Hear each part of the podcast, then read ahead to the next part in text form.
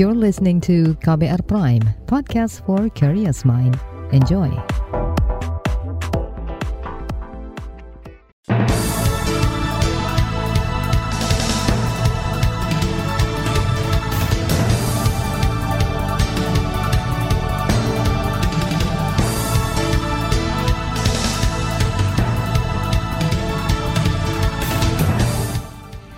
Selamat pagi saudara, senang sekali kami bisa menjumpai Anda kembali melalui program Buletin Pagi edisi Kamis 21 April 2022. Saya Malika. Sejumlah informasi pilihan telah kami siapkan, di antaranya kalah cepat dengan kejagung kinerja Satgas Pangan Polri disorot.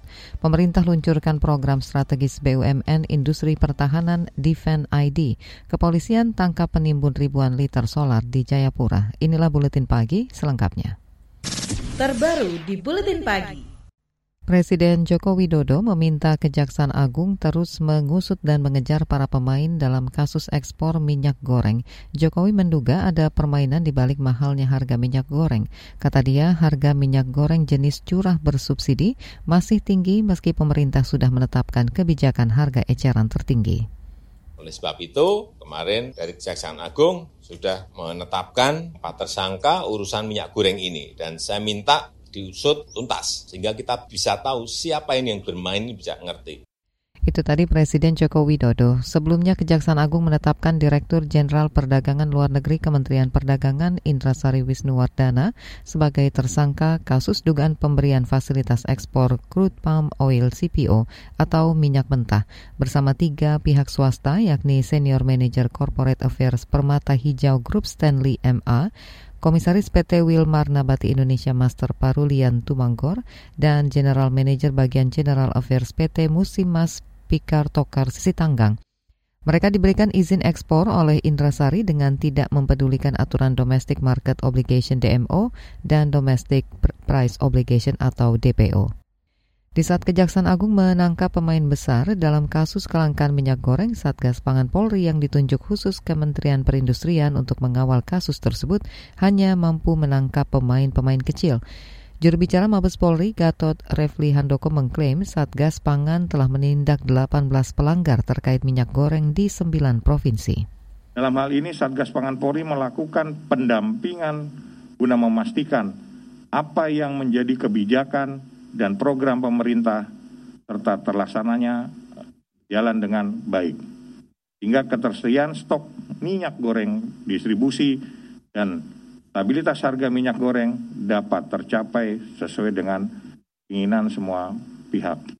Juru bicara Mabes Polri Gatot Repli memaparkan pelanggaran yang telah ditindaklanjut meliputi temuan pengemasan minyak goreng curah siap jual di Sumatera Selatan, pelaku usaha menjual minyak tidak sesuai isi dan kemasan serta tanpa izin edar di Jawa Tengah.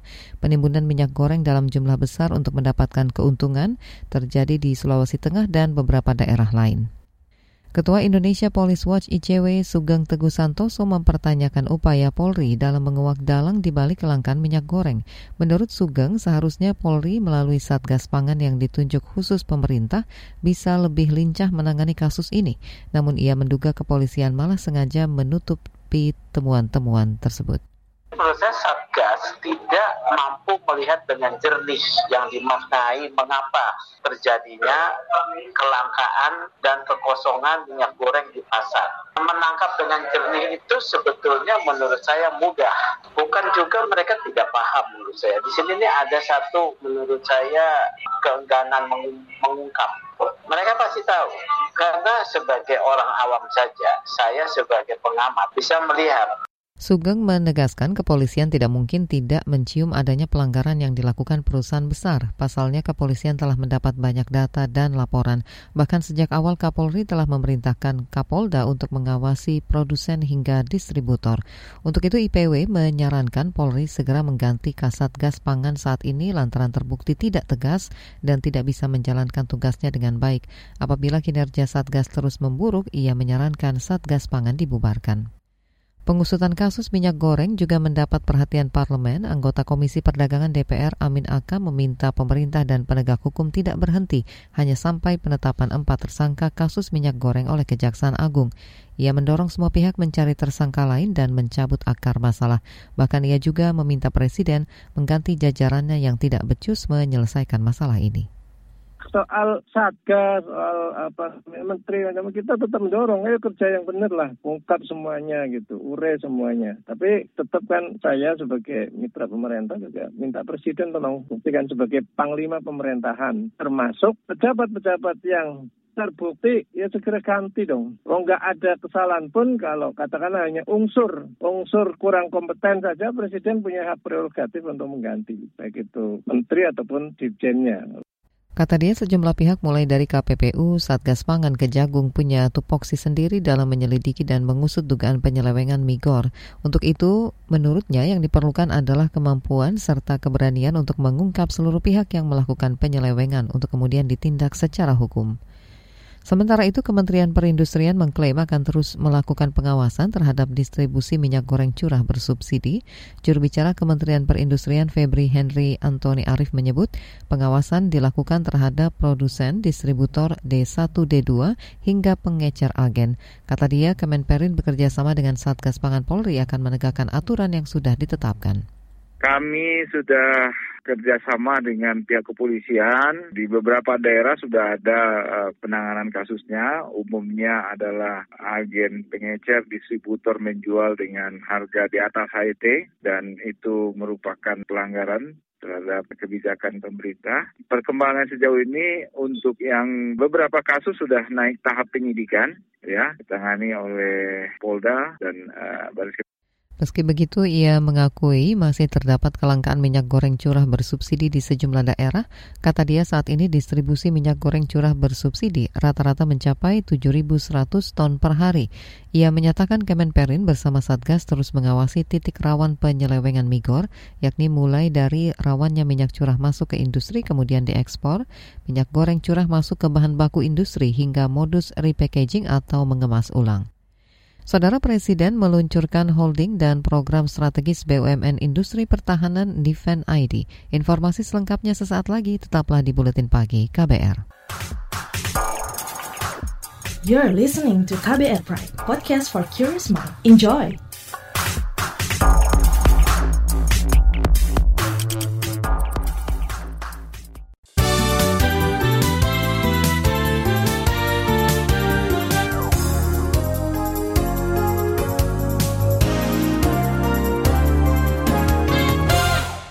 Presiden Joko Widodo meluncurkan holding dan program strategis BUMN Industri Pertahanan bernama Defense Industry Indonesia atau Defense ID.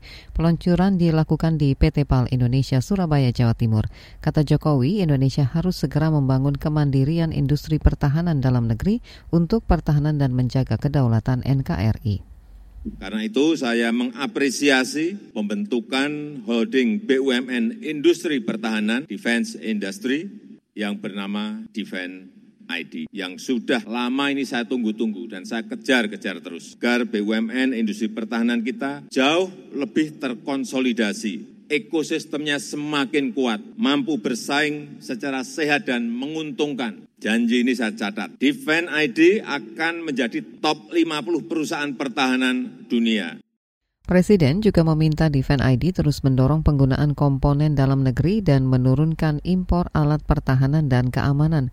Kata dia, penggunaan komponen dalam negeri di produk pertahanan unggulan harus terus ditingkatkan dari 40-an persen menjadi 100 persen. Pemerintah tetap memproyeksikan pertumbuhan ekonomi cukup tinggi, meski beberapa lembaga global memperkirakan ekonomi Indonesia lebih rendah dari sebelumnya. Menurut Menteri Keuangan Sri Mulyani Indrawati, dana moneter internasional IMF memperkirakan ekonomi Indonesia lebih rendah tahun ini proyeksi pertumbuhan ekonomi Indonesia tahun 2022 masih dianggap cukup tinggi. Dalam hal ini IMF di 5,4 persen pertumbuhan ekonomi Indonesia yang baru saja dikeluarkan April ini oleh IMF. Ini sedikit menurun dari tadinya bahkan di 5,6 atau 5,8. Di Kementerian Keuangan kita masih dalam kisaran antara 4,8 hingga 5,5 persen untuk pertumbuhan tahun ini. Menteri Keuangan Sri Mulyani menyebut Bank Dunia juga memperkirakan ekonomi Indonesia tumbuh di angka 5,2 persen. Itu karena Indonesia terus menjaga momentum pemulihan ekonomi, terutama dari sisi pertumbuhan baik konsumsi investasi maupun ekspor impor. Beralih ke informasi hukum, Mahkamah Konstitusi MK kembali menolak gugatan presidensial threshold atau ambang batas calon presiden agar diubah dari 20 persen menjadi 0 persen. Penolakan tersebut diputuskan untuk tiga gugatan uji materi terhadap pasal 222 Undang-Undang Nomor 7 Tahun 2017 terkait pemilihan umum. Berikut putusan yang dibacakan Ketua MK Anwar Usman. Berdasarkan penilaian atas fakta dan hukum sebagaimana diuraikan di atas, Mahkamah berkesimpulan satu, Mahkamah berwenang mengadili permohonan aku. Dua, para pemohon tidak memiliki kedudukan hukum untuk mengajukan permohonan aku. Tiga, pokok permohonan para pemohon tidak dipertimbangkan. Amar putusan mengadili menyatakan permohonan para pemohon tidak dapat diterima. Dalam pertimbangan gugatan, Mahkamah menyatakan penggugat tidak mengalami kerugian konstitusional. Selain itu, MK juga membantah argumen pemohon yang menilai pasal 222 Undang-Undang Pemilu akan berkorelasi dengan jumlah pasangan capres-cawapres yang akan bertarung. Menurut MK, aturan dalam pasal itu tidak membatasi jumlah pasangan calon. Koalisi Masyarakat Sipil menilai Ketua Majelis Hakim Pengadilan Tata Usaha Negara PTUN gagal paham soal ditolaknya gugatan kepada Panglima TNI Andika Perkasa terkait pengangkatan Untung Budi Harto sebagai Pangdam Jaya. Anggota koalisi Hussein Ahmad mengatakan PTUN semestinya paham bahwa sengketa dapat melibatkan keputusan badan atau pejabat tata usaha, eksekutif, legislatif, yudikatif, dan penyelenggara negara termasuk Panglima TNI. Dalam konteks ini kami memandang ya, sudah sepatutnya keputusan yang dikeluarkan oleh Jenderal Andika Perkasa itu ma masuk dalam uh, domainnya atau kompetensinya Pengadilan Tata Usaha Negara. Nah, meski ada pasal ini, rupanya Ketua Pengadilan Tata Usaha Negara ini gagal dalam memahami kewenangannya tersebut sehingga mengeluarkan putusan yang demikian yaitu menolak atau uh, tidak menerima uh, gugatan kami. Hussein Ahmad yang juga peneliti imparsial menambahkan koalisi bakal melawan putusan itu karena masih berpeluang untuk kembali digugat. Secara garis besar putusan PTWN menyatakan di Indonesia impunitas itu langgeng. Ini dibuktikan dengan diangkatnya Untung Budi Harto sebagai Pangdam Jaya padahal telah diputus bersalah. Kita beralih ke informasi mudik. Kementerian Kesehatan menyiagakan hampir 14.000 fasilitas kesehatan di sepanjang jalur perjalanan mudik dan daerah tujuan pemudik mulai 25 April mendatang. Juru bicara vaksinasi COVID-19 Kemenkes Siti Nadia Tarmizi mengatakan hal itu dilakukan agar 85 jutaan masyarakat bisa mudik dengan aman, nyaman, dan sehat. Selain itu, Kemenkes juga menyiapkan 340 pos layanan kesehatan beserta dengan ambulans roda 4 dan roda 2 di berbagai rest area di jalan tol, pintu exit tol, jalur tol, jalur jalan raya non-tol, serta beberapa tempat wisata. Dengan upaya mendekatkan akses fasilitas pelayanan kesehatan, masyarakat tentunya hendak melakukan perjalanan mudik ini diharapkan resiko kesehatan bisa diminimalisir. Juru bicara vaksinasi COVID-19 Kemenkes Siti Nadia Tarmizi mengingatkan agar pemudik memenuhi syarat vaksinasi COVID-19 sebelum perjalanan. Kemenkes akan membuka layanan vaksinasi di tempat ibadah, pusat perbelanjaan, stasiun, pelabuhan, bandara, dan terminal, termasuk di tempat istirahat di jalan tol. Kita beralih ke berita mancanegara, rezim militer Myanmar telah mencabut status kewarganegaraan 33 pembangkang tingkat tinggi sejak Maret. Para kritikus menggambarkan langkah itu sebagai pelanggaran hak asasi manusia dan pelanggaran hukum internasional. Mereka yang ditargetkan termasuk diplomat yang menolak bekerja untuk militer, anggota parlemen paralel yang dibentuk untuk menentang kudeta tahun lalu, selebriti yang belak-belakan dan aktivis terkemuka. Dilansir dari Al Jazeera, pemerintah mengatakan kewarganegaraan mereka mereka dicabut karena melakukan tindakan yang dapat merugikan kepentingan Myanmar.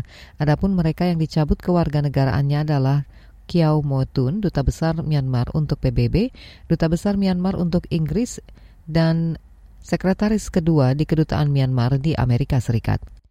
Kita beralih ke berita olahraga. Arsenal sukses membungkam Chelsea dengan skor 4-2 dalam partai Liga Primer 2021-2022 pekan ketiga-tiga yang digelar di Stamford Bridge Kamis dini hari tadi. Kejar mengejar skor terjadi pada laga ini. Edi Netia memborong dua gol Arsenal sedangkan dua gol lainnya dicetak Emil Smith Rowe dan eksekusi penalti Bukayo Saka. Sementara itu Chelsea sempat dua kali menyamakan kedudukan masing-masing lewat aksi Timo Werner dan Cesar Api Kueta. Berkat hasil ini Arsenal kembali menghuni peringkat 5 klasemen dengan poin 57, sama dengan poin Tottenham di peringkat 4. Di sisi lain, Chelsea masih menempati posisi ketiga dengan poin 62. Di bagian berikutnya kami hadirkan laporan khas KBR bertajuk Antibodi Masyarakat 99 persen, jaminan mudik tanpa kenaikan kasus. Tetaplah di Buletin Pagi KBR. You're listening to KBR Pride, podcast for curious mind. Enjoy!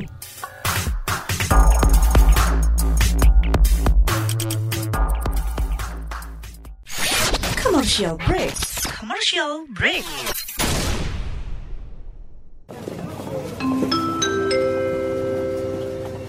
Mohon perhatian. Panggilan terakhir penumpang Trending Air dengan nomor penerbangan WT0101 dipersilakan segera mendengarkan podcast What's Trending melalui Spotify. Karena podcast What's Trending sekarang ada di playlist teman perjalananmu. Selamat menikmati. Terima kasih.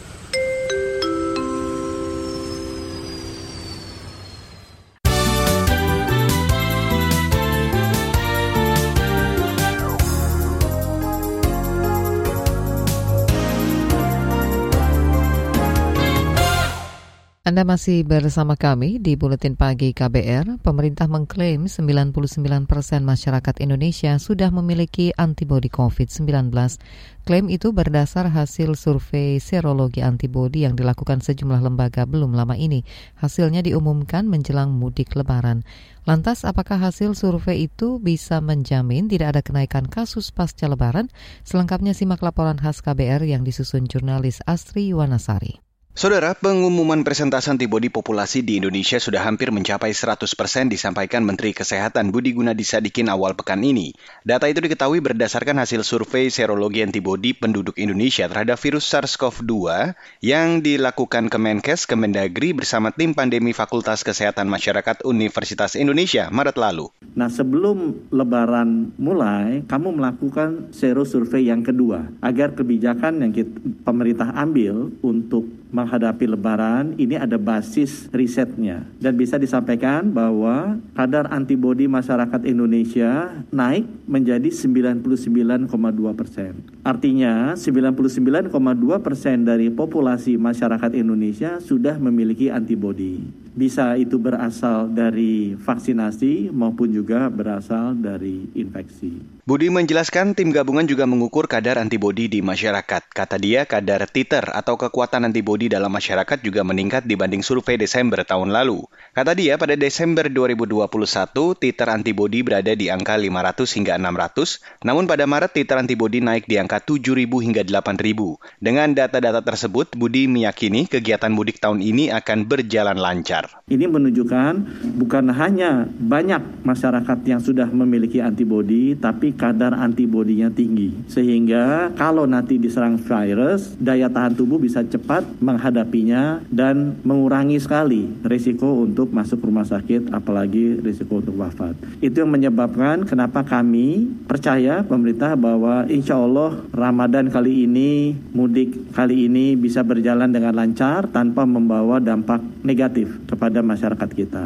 Catatan dari Bapak Presiden yang tadi juga disampaikan oleh Pak Menko adalah sangat baik kalau kita tetap hati-hati dan waspada. Menurut salah satu anggota tim pandemi Fakultas Kesehatan Masyarakat Universitas Indonesia, Iwan Aryawan, survei serologi antibodi dilakukan dengan metodologi panel survei di kabupaten kota di Jawa Bali. Kabupaten kota yang dipilih merupakan daerah asal dan atau tujuan mudik. Metode pemilihan sampel menggunakan stratified random sampling atau teknik pengambilan sampel dengan memperhatikan suatu tingkatan atau strata pada elemen populasi. Pada sero survei ini sampelnya 2.100 responden di 21 kabupaten dan kota di tujuh provinsi berarti setiap kota atau kabupaten ada 100 responden yang dipilih. Nah, pemilihan respondennya itu dengan acak dengan memperhatikan strata, jenis kelamin, umur, riwayat vaksinasi, dan riwayat terdeteksi. Di sini kami melakukan stratifikasi untuk uh, menjamin bahwa distribusi respondennya itu sama dengan distribusi penduduk menurut jenis kelamin, umur, riwayat vaksinasi maupun riwayat terdeteksi COVID-19.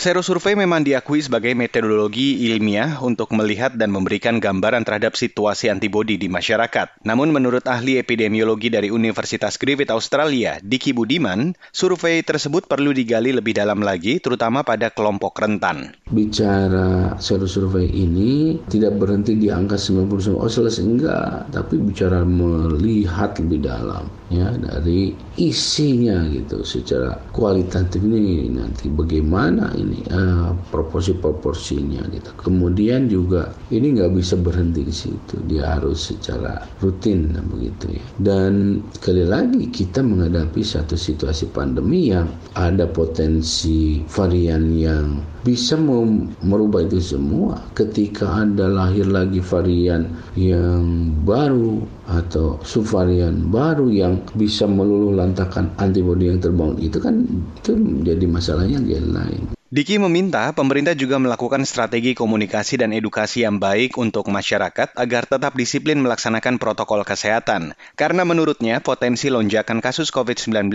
di Indonesia masih ada dan masyarakat harus tetap waspada. Kalau bicara satu persen saja dari penduduk kita ini ya yang belum membeli antibiotik. Itu masih besar. Dan sekali lagi ini kan survei tidak serta pasti mencerminkan betul-betul ya tidak tidak begitu juga gitu ya. Karena itu kan sampling.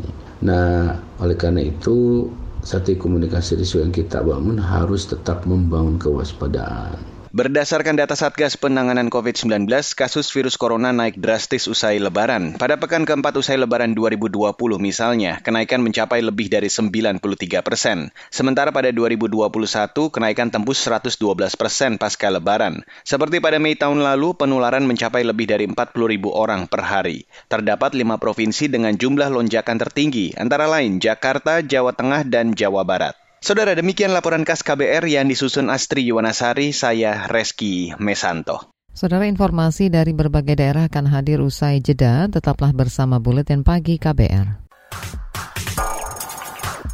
You're listening to KBR Pride, podcast for curious mind. Enjoy!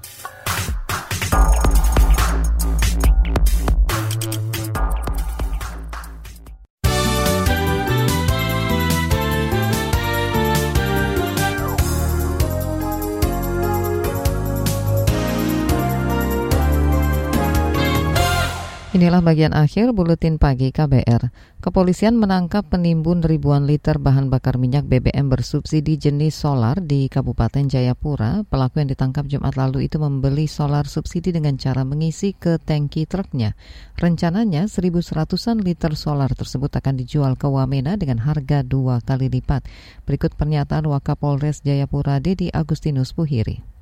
Tersangka ini menggunakan truk ini kemudian dia keliling tiap SPBU dari Sentani sampai ya sampai Jayapura lah dia keliling. Jadi setiap dia beli dia tampung dia beli ditampung karena ketentuan pembelian di SPBU itu hanya 60 liter. Jadi rencananya setelah nanti ditampung dari sini BBM tersebut akan diantar ke Wamena. Jadi di sana harga jualnya juga beda seperti itu. Itu tadi Wakapolres Jayapura Dedi Agustinus Puhiri. Sementara itu juru bicara Polda Papua Ahmad Mustafa Kamal mengatakan polisi sudah menangkap total 11 pelaku penimbunan solar bersubsidi di tiga daerah berbeda, yakni di Kabupaten Jayapura, Kota Jayapura, dan Kabupaten Nabire. Ribuan warga terdampak letusan Gunung Semeru di Kabupaten Lumajang, Jawa Timur akan menerima hunian sementara dari pemerintah. Bupati Lumajang, Torikul Hak mengatakan pembangunan ribuan rumah tersebut diprediksi akan selesai akhir bulan ini. Sementara yang sudah selesai. Sekarang yang sudah terbangun itu yang hunian tetap 1781 tinggal beberapa ratus rumah saja dan targetnya bulan uh, April Mei sudah Bupati Lumajang Torikul Hak mengatakan relokasi pada tahap pertama akan dilakukan sebelum Idul Fitri. Diharapkan kehidupan warga lereng Semeru bisa membaik. Adapun hunian tersebut berada di desa Sumber Muncur dan Oro-Oro Ombo, Kecamatan Candipuro. Hunian juga akan dilengkapi listrik dan fasilitas lainnya. Informasi tadi menutup jumpa kita di Buletin Pagi hari ini. Pantau juga informasi terbaru melalui kabar baru, situs kbr.id, Twitter kami di akun @beritaKBR, serta podcast di alamat kbrprime.id. Saya Malika bersama tim yang bertugas undur diri. Salam.